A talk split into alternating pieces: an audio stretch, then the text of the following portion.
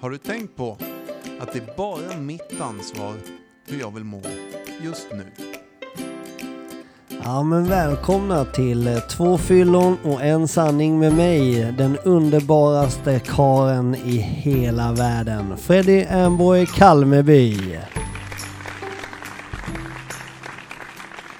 Och det är ju faktiskt så att jag är helt själv idag. Jag har delar av min familj med mig i studion, så om det kommer lite ljud och sådär någon gång ibland så är det bara min lilla minsting som springer omkring. Han har lite spring i benen precis som jag hade när jag var liten. Det, det är en del av er som har hört av sig eh, till mig och till Jeppe och sådär och, och har velat höra lite mer ur medberoende synpunkt. Alltså det vi pratar mycket om fyllon och vi som super och hur vi kan må bra och hur vi har betett oss och hur, hur man kan jobba med sig själv och andlighet och hela den här biten. Men vi kanske borde prata lite mer om, eller nu, nu, nu snackar jag goj också faktiskt, för att vi snackar en hel del med beroende och sådär. Men det finns en liten eh, brutalt ärlig vinkel på det här som jag tänkte ge idag faktiskt. Och jag tänker väl att jag behöver inte säga så mycket mer. Men att jag är ju själv uppväxt då eh, som medberoende. Och, och har levt med det egentligen hela mitt liv. Och, och, kände egentligen hela tiden att även när jag blev nykter så fanns det pusselbitar i mig som på något sätt inte blev hela. Jag fick ett mail häromdagen faktiskt där, där, där en kille förklarade väldigt bra att fan jag är nykter och, och mår bra och sådär men jag får inte den här två, tre ölkänslan i kroppen. Ni vet den där känslan av, och även ni som lyssnar på oss som inte har några problem, att eh, jag ska bara vifta åt den som håller på att andas med näsan i, i micken här. Det blir lite så när vi är fler runt mickarna. Men i alla fall den här, den här känslan av både ni som har haft problem eller har alkoholproblem men också ni som inte har det, som kanske är medberoende, som kan njuta av ett glas vin eller två och sådär. Ni vet så att det infinner sig en känsla när du har tagit ett glas vin eller två glas vin eller tre öl. Den här superhärliga känslan.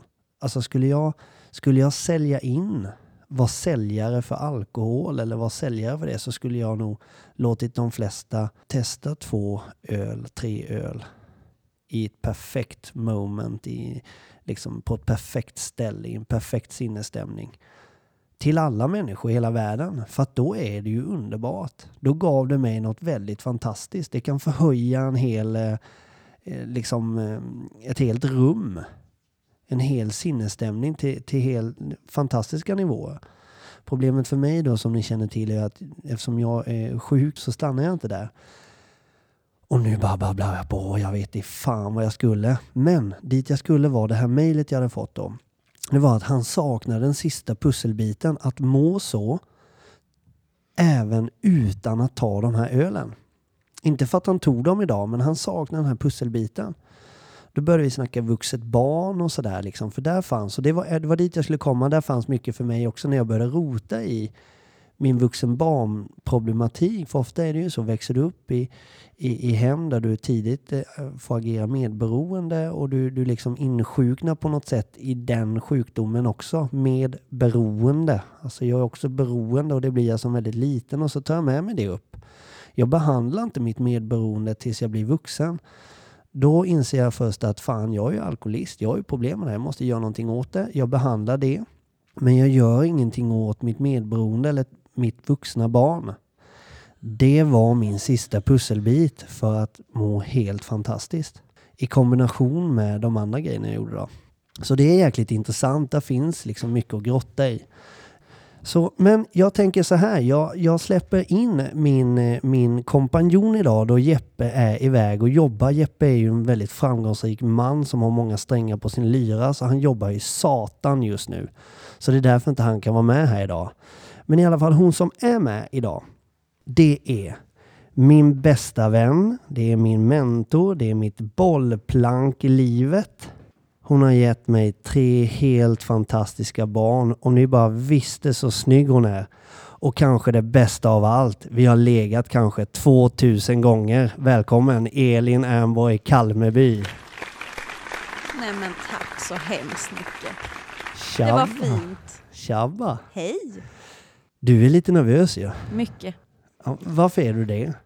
Jag tänker inte att jag passar i radio. Men det här är ingen radio. Nej. Det här är en men- podcast. Ja, Kanske en av Sveriges blivande största podcast i ämnet.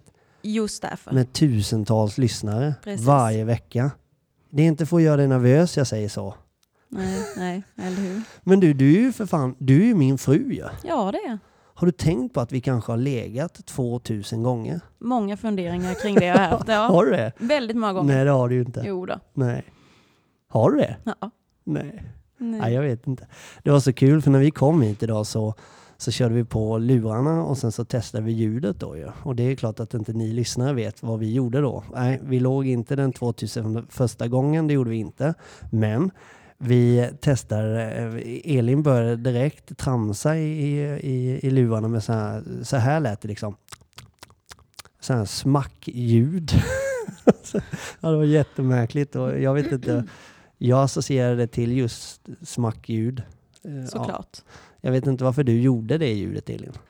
Nej, inte jag heller. Nej, okej. Ja, Ja. Jag ska sluta hålla på och löjla mig nu och göra Ja, det här så jävla jobbigt för dig. Ja. Vi tänkte ju att jag har ju fått och Jeppe har fått en hel del frågor. Eller framförallt jag fick ganska nyligen en fråga och då tänkte jag att när inte Jeppe är här så är det perfekt.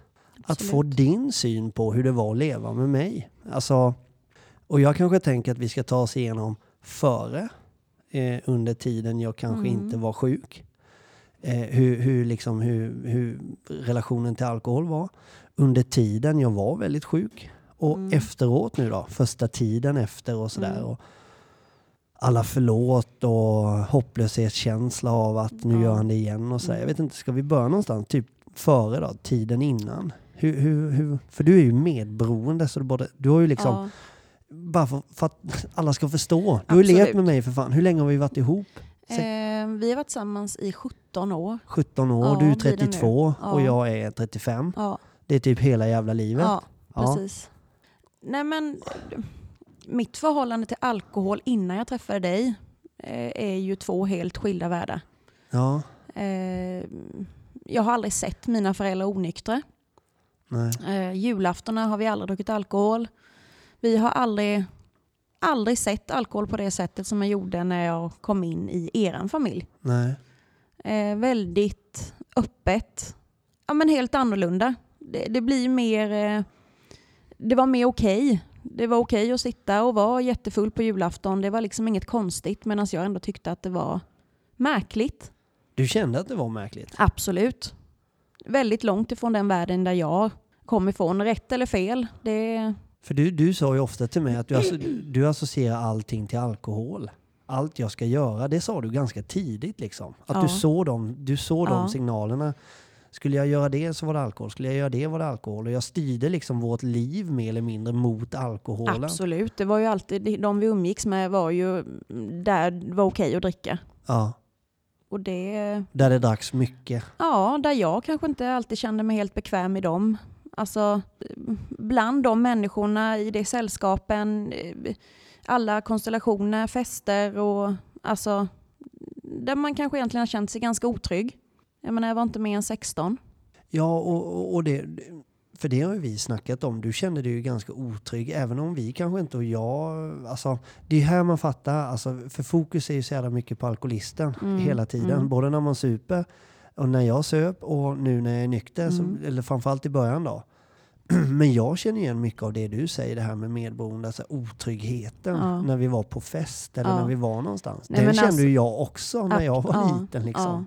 Och då är ändå, då har jag ju, jag har ju ingen förälder Nej. där, där, det, där du inte kommer ifrån. Jag menar du som barn och är medberoende, det är, när jag tänker tillbaka på den tiden jag hade tillsammans med dig, där jag ändå någonstans hade en möjlighet till att gå ifrån. Mm. Men jag gjorde inte det. Men som barn har du ju inte den möjligheten. Och jag kan inte ens föreställa mig hur det är som barn att vara otrygg med de som ska göra dig trygga, som, som är din trygghet. Jag kan inte ens föreställa mig det. Och, och, men, men hur... Vi har ju pratat om det här så många gånger, men det är ändå Mm. intressant för alla som lyssnar. Liksom. Varför, är, varför, varför är du kvar? Eller varför var du kvar? Nej men det är väl att man, Alltså man blir besviken gång på gång på gång på gång på gång. Hela tiden. Och man hoppas och tror och det du säger eh, låter så bra. Man, Mm. man blir så glad de gångerna du lovar mig någonting. Sen, och det händer så många gånger så till slut så det, det, blir, det blir bara en vardag. Det är väl klart att jag, om jag träffade dig i början och du lovade massa grejer och inte gör det och håller det du lovar, det är klart som fasiken att då är man ju inte kvar liksom. Men någonstans så du kommer in i det här modet och någonstans så bara du finner dig i det. Du menar du kom in i, i hela det, i, alltså i det här sättet att leva som medberoende? Ja, ju mer du insjuknar du- i det, ju mer blir det en del av dig. Ja, det skulle jag säga. Det är, det är väl ingen som skulle stanna kvar hos någon som blir slagen på första dejten. Nej. Men det kommer ju efter ett tag liksom. Ja. Men Observera nu att jag slog inte dig Absolut på första inte. dejten för vi har nej. vissa lyssnare som har lätt, jävligt Ja. lätt att missförstå. ja, och- absolut inte. Och det är inte det jag menar. Jag bara Nej jag försöker förstår, ge dig någon en parallell. ja, en parallell att det, det är ju ingenting som kommer med en gång. Det här. Utan eh, sakta men säkert så bara är du i det utan att egentligen veta att du är där. Vad var det vi pratade om i bilen, i bilen hit? Alltså att det var grejer som, du sa så här, du hade typ fått frågor när du gick i, i din behandling, Mm, i samtalsgrupper mm, och sådär ju. Mm. Att eh, helt plötsligt så gör du saker som, ja men det där skulle jag aldrig göra. Typ Ja, man hör folk säga gränser. ja. Ja, Jo, men, ja, precis. och det gör ju alkoholisten med. Moralen Ja, blir ju sämre och sämre och ja, man och det blir på. ju det för oss medberoende också. Ja, Saker vi aldrig skulle gått med på i början eller tycka är okej i början är plötsligt fullt normalt. ja.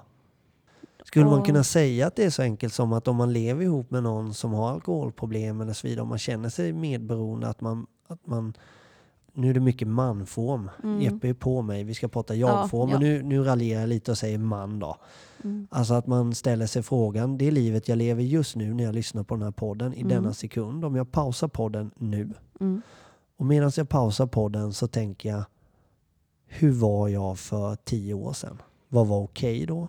Vad tolererade jag då? Mm. Vad köpte jag inte då? Och bla bla bla bla bla. Mm. Och sen applicera det på människan man är idag. Det skulle vara en ganska bra övning ju. Ja, För då har man nog förflyttat sig en bit. Tänker jag. absolut. Nej men fortsätt eh, Elin. Eh, Prata ner mig lite då. Var lite brutalt ärlig mot mig. Mm. Det har ju alltid varit mycket fokus på mig. Det är det ju på Absolut. alkoholisten. Ja, det är det. Förklara.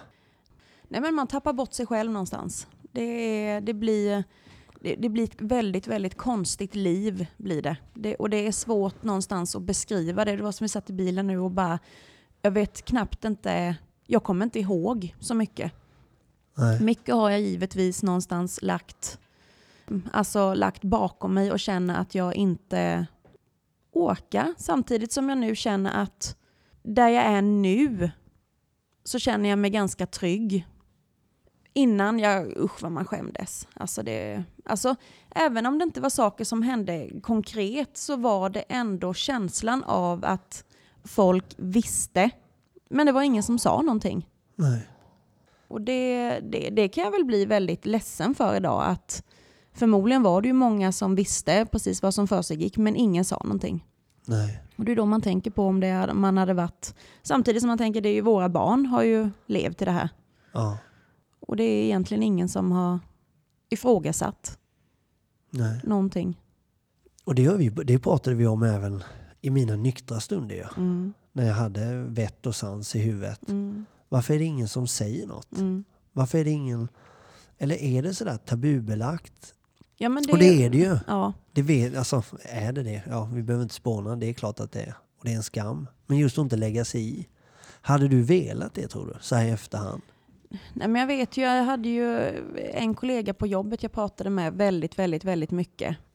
Men eh, samtidigt så, så var man väl kanske inte riktigt brutalt ärlig och berättade precis allt. Utan det är Nej. klart man kommer och idag var det en dålig dag och man är lite orolig när man åker hemifrån, det är helg och sådana grejer. Mot slutet inte bara helgerna ju. Nej, det, det var jämnt. Och det är klart, man, den oron i kroppen är ju...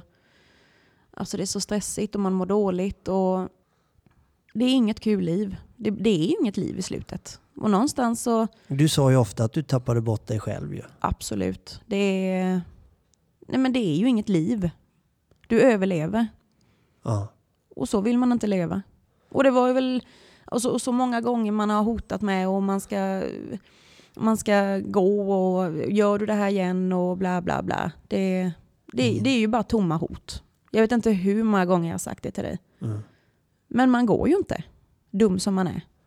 Jag har också ganska många jag känner som jag har pratat med som, som säger samma sak. Ja. Att man borde, men man, men man gör det inte. Nej. De gör det inte och jag gjorde det inte. Nej. Och det är jag glad för idag naturligtvis. Ja. Men det har varit väldigt många tuffa år. Och det har ju varit också så här, jag hatade ju morgnarna. Nu är det synd om mig igen här. Nu är det Nu riktigt synd om mig här. Mm. En fylla på kvällen. Och jag vet att det var någonting. Du är ju alltid uppe tidigt ju. Jag är morgonmänniska. Ja. Och det är ju inte jag i vanliga fall. Nej. Och när jag söp så var jag det absolut inte. En riktigt misslyckad människa som sover till 11 på dagen. Mm. På helgen. Om det inte är någonting. Och hela, eh, missat hela morgonsolen och morgonkaffet och allting. Men de här dagarna då jag hade retat upp det lite på kvällen, eller det var någonting. Och jag hör du gå runt i köket med hälarna sådär hårt som bara du kan gå. Ja, Kommer du ihåg förresten när vi, när vi hade en granne i stan som tyckte att tänkte du gick faktiskt som en elefant? in det. Ja, det lät som en elefant. Och den jävla dåren ville höja hyran när du flyttade in hos Ja. mig. För att vi Ja. var två i lägenheten. Ja, det var ingen Det var fan den dummaste Nej. jävla hyresvärd vi har haft tror jag. Ja, en av alla dem. Ja. För er som inte vet så har ju Elin levt med en missbrukspersonlighet. Och han har sett till att ha nio lägenheter centralt i Kalmar. Ja, men det är ändå bra jobbat. Det skulle jag säga är väldigt bra jobbat. Det är värt en applåd till Freddy faktiskt. Nio lägenheter i Kalmar. Freddy Yes. Amboy Kalmarby. Absolut. Behöver ni en lägenhet centralt? Ring Freddy. Ja, nej, skämt åsido. Nej men han, den dumma jävlen vill ju ha dubbel hyra och sådär. Mm, men han sa mm. ju också den dumma jävlen att du gick som en elefant. Mm. Och de här elefantkliven som du har, hade Ja. eh, på morgnarna. Alltså, jag, vad kände du då när du var... För det har, jag, det har jag inte frågat dig. Men när du, när du, du bara väntar ju på att jag ska vakna för du är så jävla arg då ju. Du var ju så arg. Det kan och besviken och ledsen och du har skämts en kväll till. Och, vad, vad ville... Vad, ville du bara skälla på mig då? Eller var det en blandning av frustration, ångest, ledsamhet eller vad var Ja, det? men det var nog en blandning av allt. Ja, Nej, men det är väl klart man är besviken om du lovar mig att det inte ska bli som förra gången och så blir det som förra gången igen. Mm. Det är klart att det är en... Du, du ljuger ju för mig och du lovar mig någonting som du inte håller. Det, man vill inte bli sviken. nej. Nej, det vill man verkligen inte. Och det... Samtidigt så vet man ju, alltså Jag vet, så jag, vet man ju. jag, jag, nu säger jag också man. jag Ja, visste ju att du håller ju inte det du lovar. Nej. Jag visste ju det innerst inne, men jag hoppades ju på Mm. att du skulle ha ändrat dig just den här gången. Ja. Kan du känna att du föll in i någonting och kände att du inte mådde... Ja, vi kommer till det förresten, förlåt. Mm. För det, det blev... Alltså jag, jag kan verkligen tänka mig att, att det gemensamma ordet är ju skam. Dels skam Ja. för att prata med andra om hur vi hade det. Skammen för Ja. kvällarna vi var bortbjudna. Ja, men och alltid den här frasen, eh, snälla, drick inte så mycket ikväll. Ja. Nej, jag lovar, jag Ja. lovar. Och sen slutar det med att man har, då fanns ju inte Mio då. Eh, de riktiga eh, bragdkvällarna när man hade tre barn som skulle in sent på kvällen när du fick välja när vi skulle åka hem. Och det var ju alltid väldigt, väldigt, väldigt sent. Och då skulle man ju först in med barnen, in i huset och sen så skulle man försöka bära in dig så att inte du Frös. ihjäl. frös ihjäl i bilen. Eller, ja, det hade du väl inte gjort kanske, men... Egentligen klart. borde ju jag skämmas som en hund. Och det har jag sagt till dig. Jag skäms som en hund när du säger så här på riktigt. Ja, Jag känner mig som en helt värdelös människa på riktigt från botten av mitt hjärta. Ja men det Vem är behandlar en ja. människa så här? en missbrukare Ja, som skiter fullständigt och räknar med att någon krattar manegen för en. Då gör man så. ja, och som inte tror att... Alltså, jag som medberoende tror inte att jag är värd någonting annat. nej. Då, då är man kvar och då tar man det. Men sen får man elefantstigen efter, men, eh, eller stegen. Men eh, det är ju det är ett fruktansvärt liv. Och det, jag menar så många år nu som vi har levt så här. Det är ju, eh, alltså jag trodde ju aldrig att det skulle hända att du skulle sluta dricka. Nej.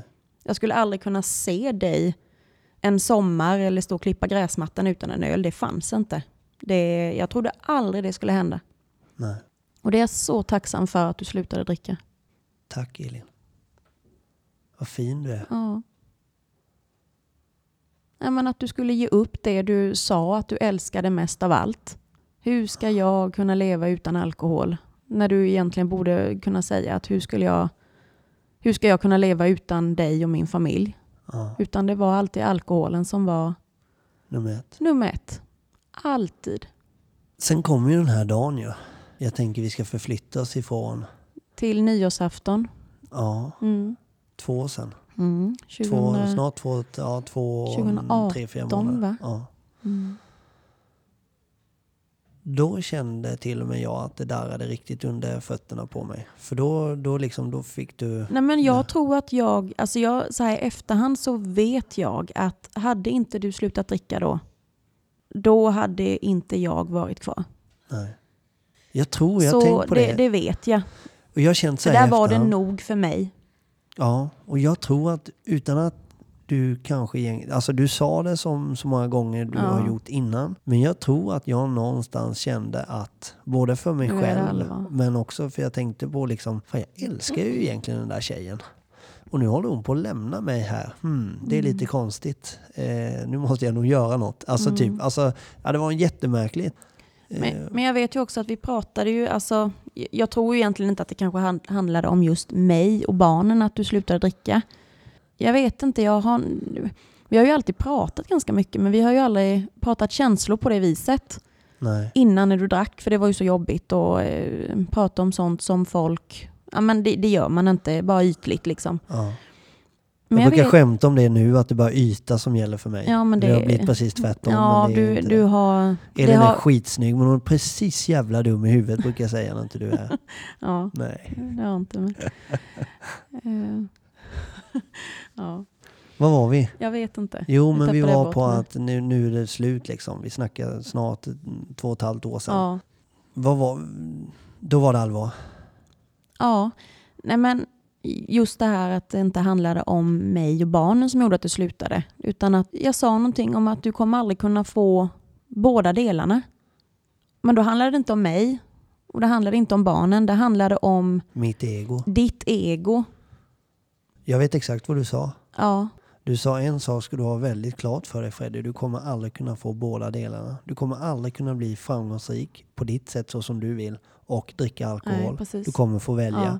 Jag lovar dig. Precis som att jag lovar dig men jag skiter fullständigt i vilket, vilket du väljer. Ja. Alltså jag kände att du sa det på ett sätt som att jag bryr mig inte ett jävla dugg om vad du väljer för jag drar nu. Mm, Men du ska ha jävligt klart för dig att det är det det handlar om. mm. Och, Och det, det- Någon, någonstans har väl du också varit väldigt rädd för att förknippas med en viss person. Ja. Eh, och det var väl där du kände att fan heller, jag vill inte sluta så. Nej.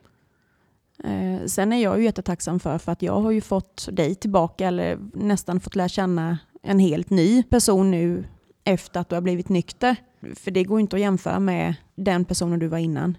Nej, och då glider vi ju faktiskt in på för då började ju en Ja. helt ny resa i Mm. vårt liv ju. Ja, Eh, som har varit eh, både helt nykter. fantastisk, men fruktansvärt jobbig. Ja. Eh, Det är ju ett jobb som ska göras. mm. Man, Ja, du man- får ingenting gratis. så Nej, är det verkligen. Inte ett jävla skit. Och jag menar, det, det är ju... Vi älskar ju att säga så. Man får ingenting gratis. Vi får ingenting gratis överhuvudtaget. Nej. Det är hårt jobb som gäller. Var lite smartare än de andra kan vara ett plus också. Mm. Men annars är det bara att jobba hårt. Mm. Och det började ju där då ju. Mm. Och vi, I början var det väl rätt... Det var mycket fokus på mig i början ja. Men hur mådde du i början där? Minns du det? Eh, ja, jag vet. Jag var ju nykter ett helt år.